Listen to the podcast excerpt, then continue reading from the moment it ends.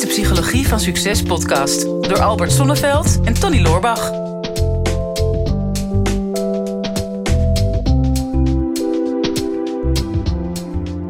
Oké, Tony, Ja. vertel eens, want ehm, je hebt toch wel een heel bijzonder onderwerp. eh, Ik? ja, Oh, ja, Oh, dan moet ik dat erbij pakken. Ja, want eh, wij hebben weer eens een eh, vraag.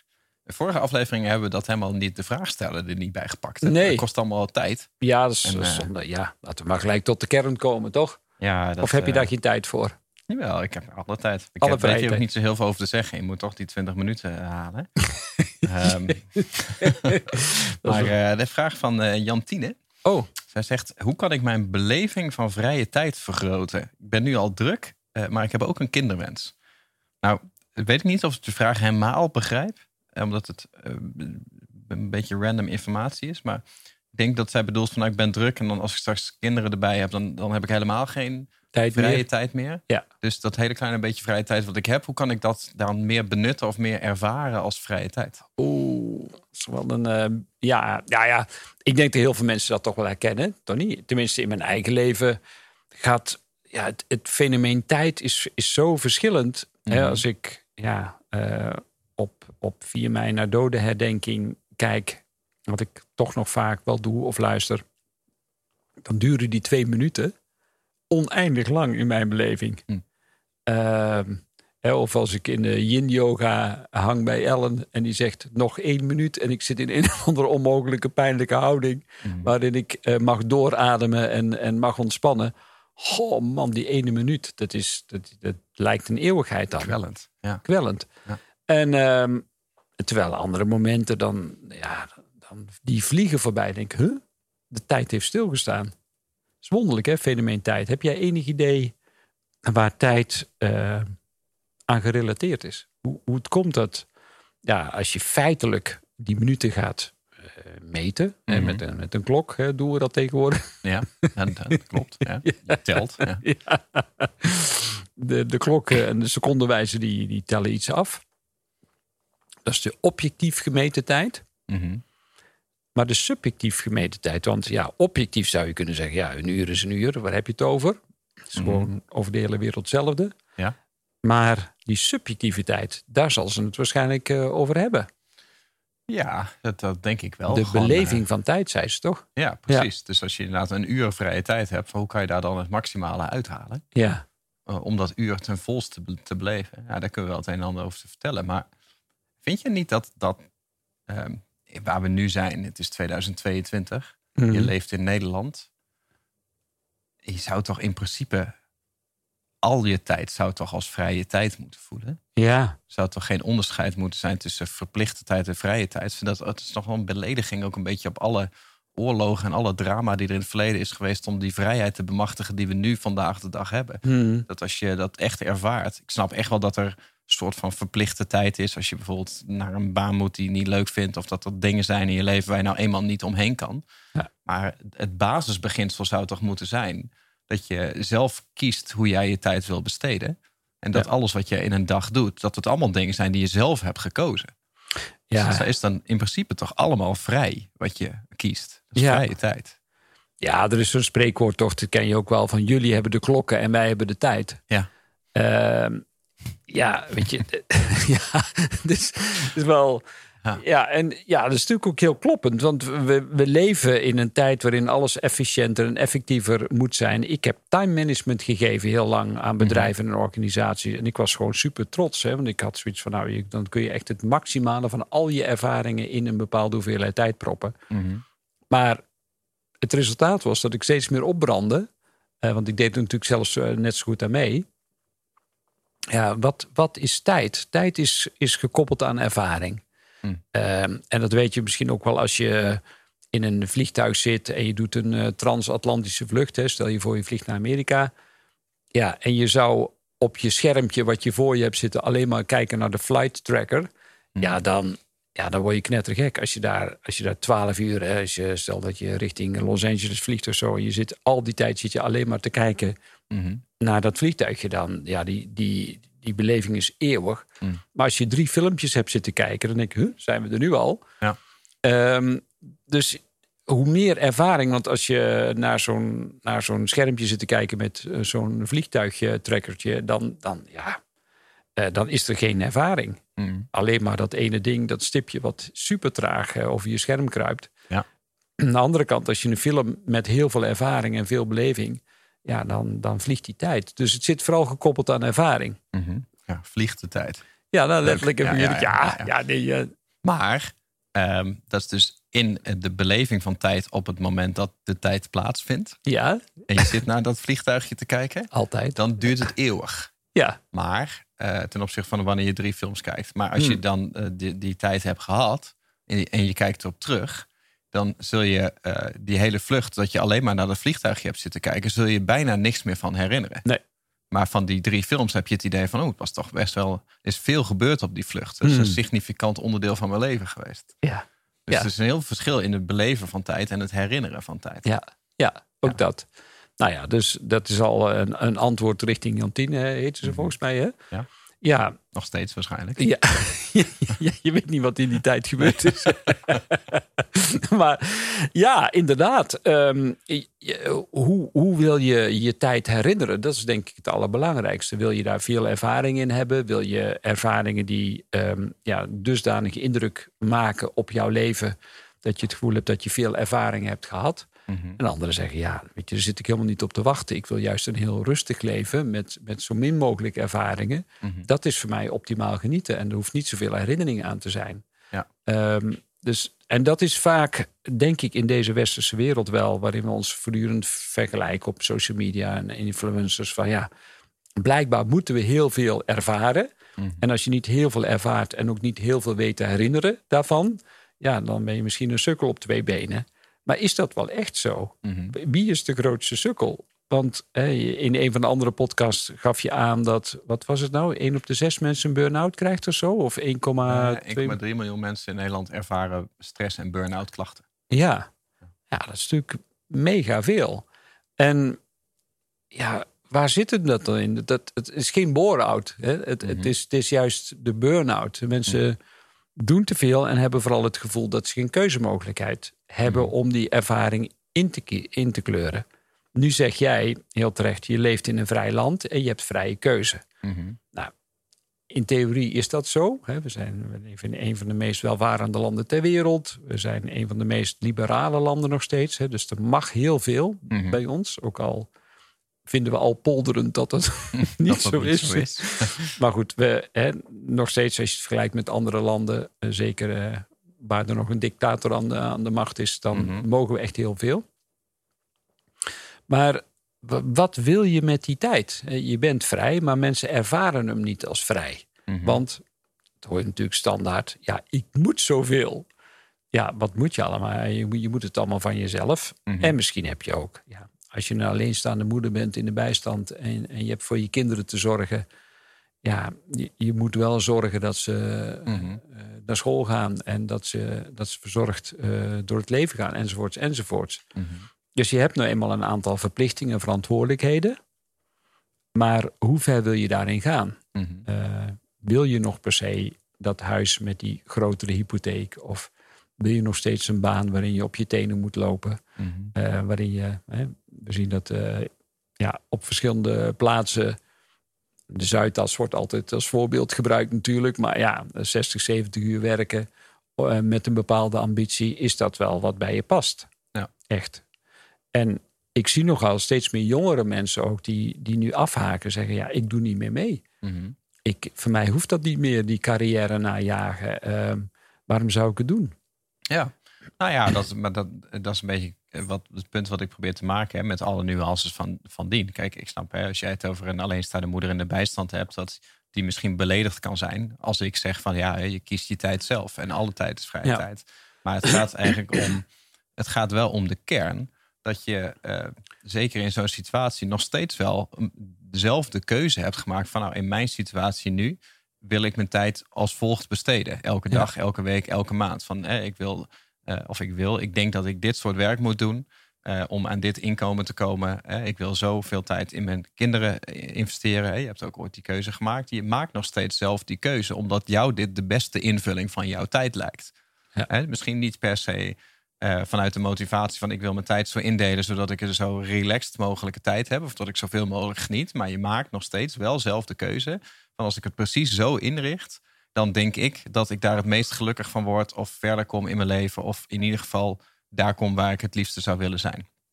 En die keuze, die kun je in principe, ieder moment kun je die veranderen. Groot, of grotendeels in ieder geval. En, en dat is eigenlijk de definitie van, van vrije tijd. Hè? Jij hebt zelf de invulling gekozen. En um, daar moet je eigenlijk mee in lijn zijn. Van, hè, is de invulling die jij hebt gekozen, sta je daar echt 100% achter? Klopt dat? Want dan is het nog steeds vrij.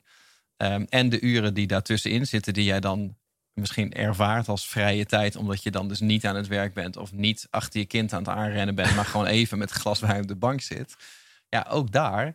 Het is zo uh, standaard geworden om uh, de tijd te doden echt hmm. een belediging op de tijd is. Je, hmm. hebt, je, tijd, gaat, je hebt maar één, één keer tijd. Zeg. Ik, kan, ik kan nooit meer, meer van maken. Dus dat is een hele rare zin. De tijd doden.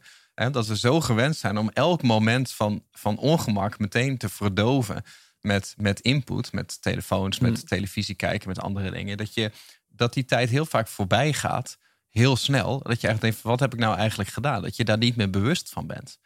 En ik moest even terugdenken aan, denk ja, wanneer had ik nou de meest beleving van vrije tijd? Hè? Zoals jij zegt, bijvoorbeeld het verschil in zo'n vliegtuig. Maar ik moest terugdenken aan uh, bijvoorbeeld op de middelbare school. Ja, ik, ik, ik spijbelde best wel veel. Ja. Uh, ja, ik VWO 4, 5, 6 ben ik bijna niet meer op school geweest. Maar mhm. toch, er zit een bepaalde spanning op. Hè. Je wordt ergens verwacht. Dat voelde niet als vrije tijd, want ik moest naar school. Maar als je dan s ochtends besloot van ik ga niet vandaag. Mhm. Terwijl je dat eigenlijk wel van plan was. Oh man, dan was natuurlijk die hele dag was ineens de ultieme vrije tijd.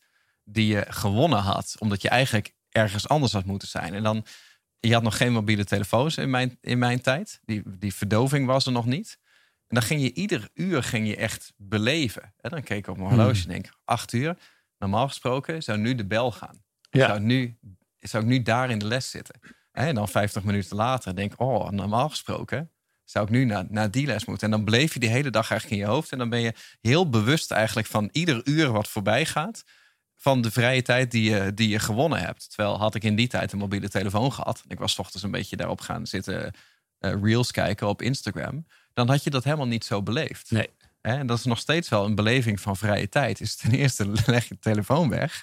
Maar ook wel um, ja, weet je, wees er eens bewust van. Van, van, van hoe zo'n dag zich, zich ontwikkelt. Zou dat al gelijk een, een mooi uh, groeigeluk momentje zijn, uh, Tony?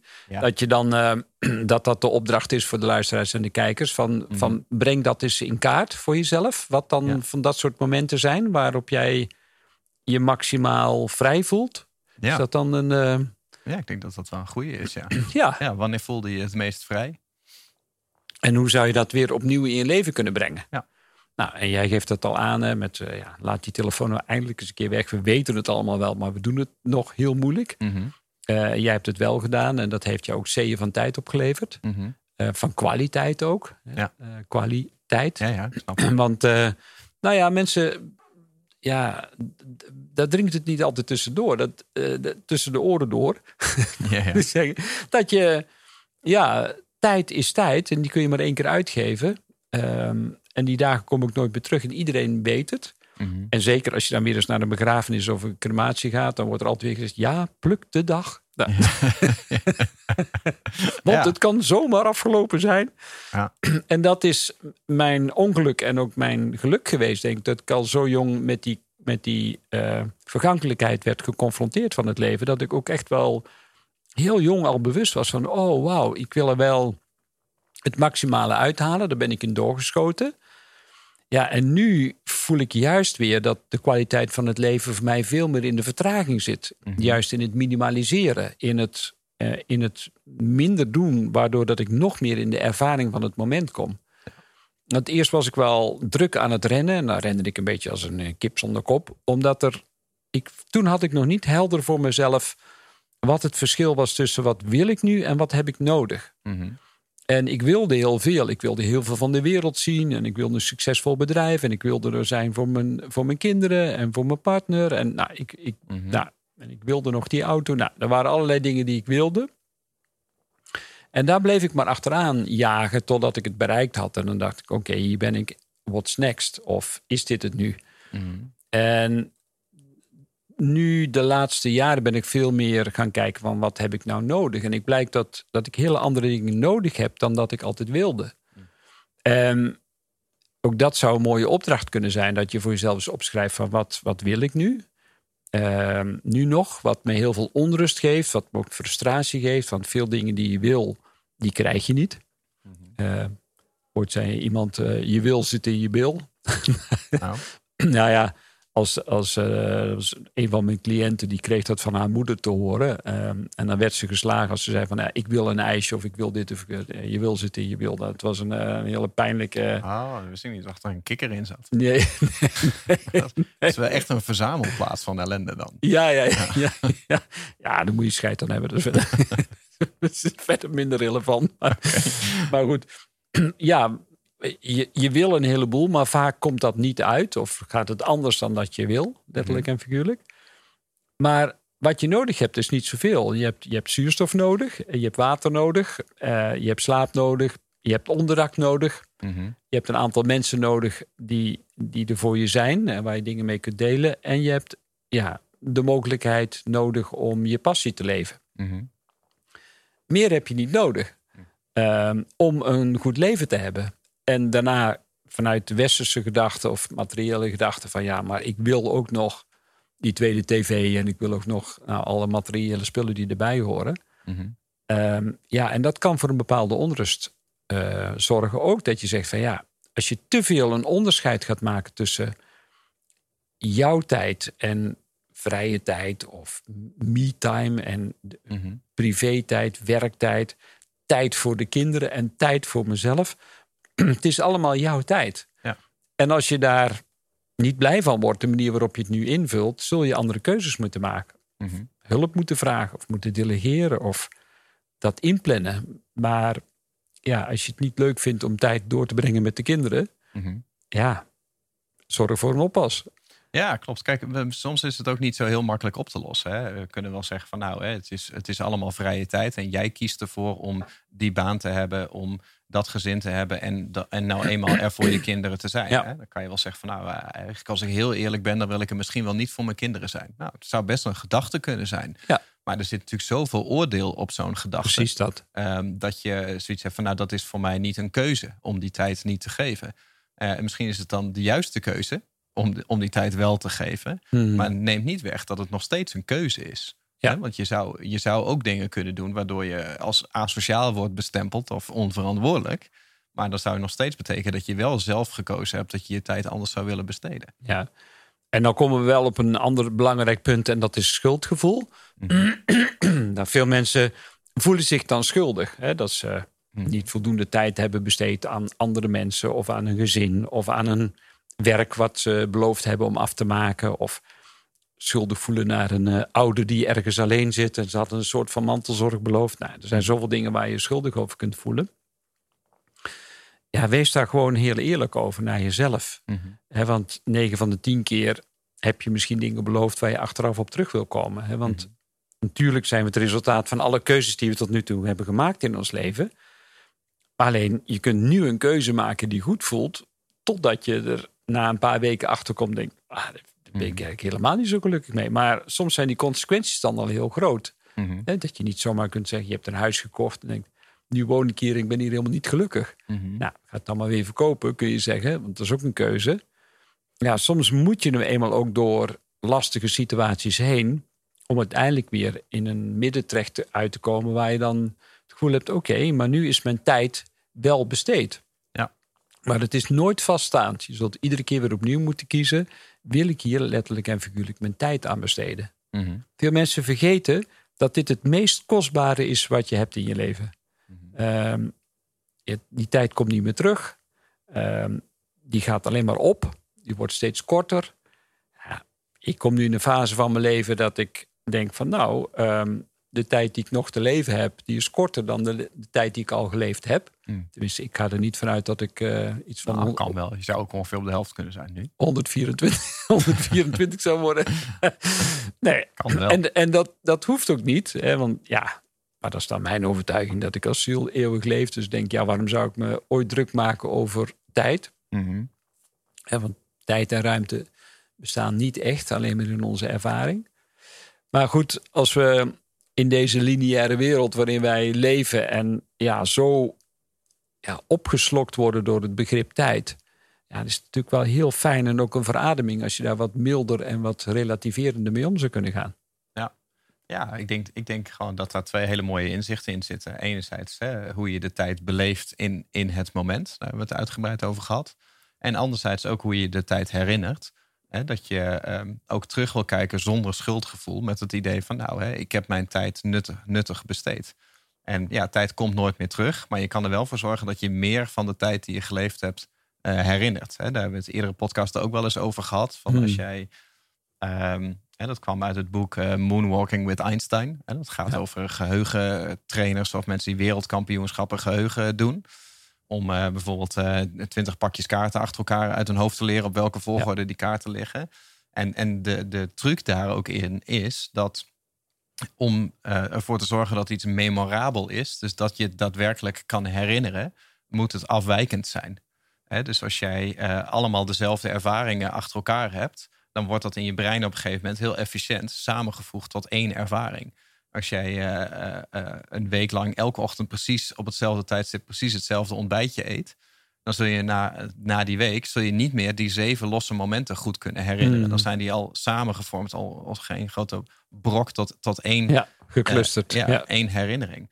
En dat is wat je ook ziet als je op een vakantie gaat. En je zit bijvoorbeeld een week lang in de villa. En je zit elke dag bij een zwembad. En je denkt na die vakantie terug. Dan heb je het idee van nou die vakantie die is voorbij gevlogen. Eh, juist eh, omdat je geen memorabele dingen hebt gedaan. Hmm. Je hebt geen nieuwe dingen gedaan. Je hebt geen nieuwe ervaringen gemaakt. En dat is ook de, de, de les uit dat boek. Van, hè, wil jij een rijk leven hebben of aan het einde van je leven terugkijken op een rijk leven? Het idee hebben dat de tijd eh, niet steeds sneller gaat. Hè? Want het idee, dat hebben we allemaal voor. Het Ja. lijkt wel alsof de tijd steeds sneller gaat. Kijk, de tijd gaat niet sneller. Alleen we herinneren hem als dat hij sneller is gegaan. En dat komt omdat we minder nieuwe dingen doen naarmate we ouder worden. Ja. Minder eerste ervaringen hebben. En dus min- minder memorabel zijn. Dus wil je het idee hebben dat de tijd langzamer gaat? Wil je het maximale je vrije tijdbeleving hebben? Moet je zorgen dat je zoveel mogelijk memorabele dingen doet. Nou, misschien is dat dan eh, mooi om daarmee af te sluiten met een bekrachtigende vraag. Welke herinnering zou ik willen creëren, waardoor dat ik het gevoel heb dat ik het maximale uit mijn tijd heb gehaald? Dit is de Psychologie van Succes podcast door Albert Sonneveld en Tony Loorbach.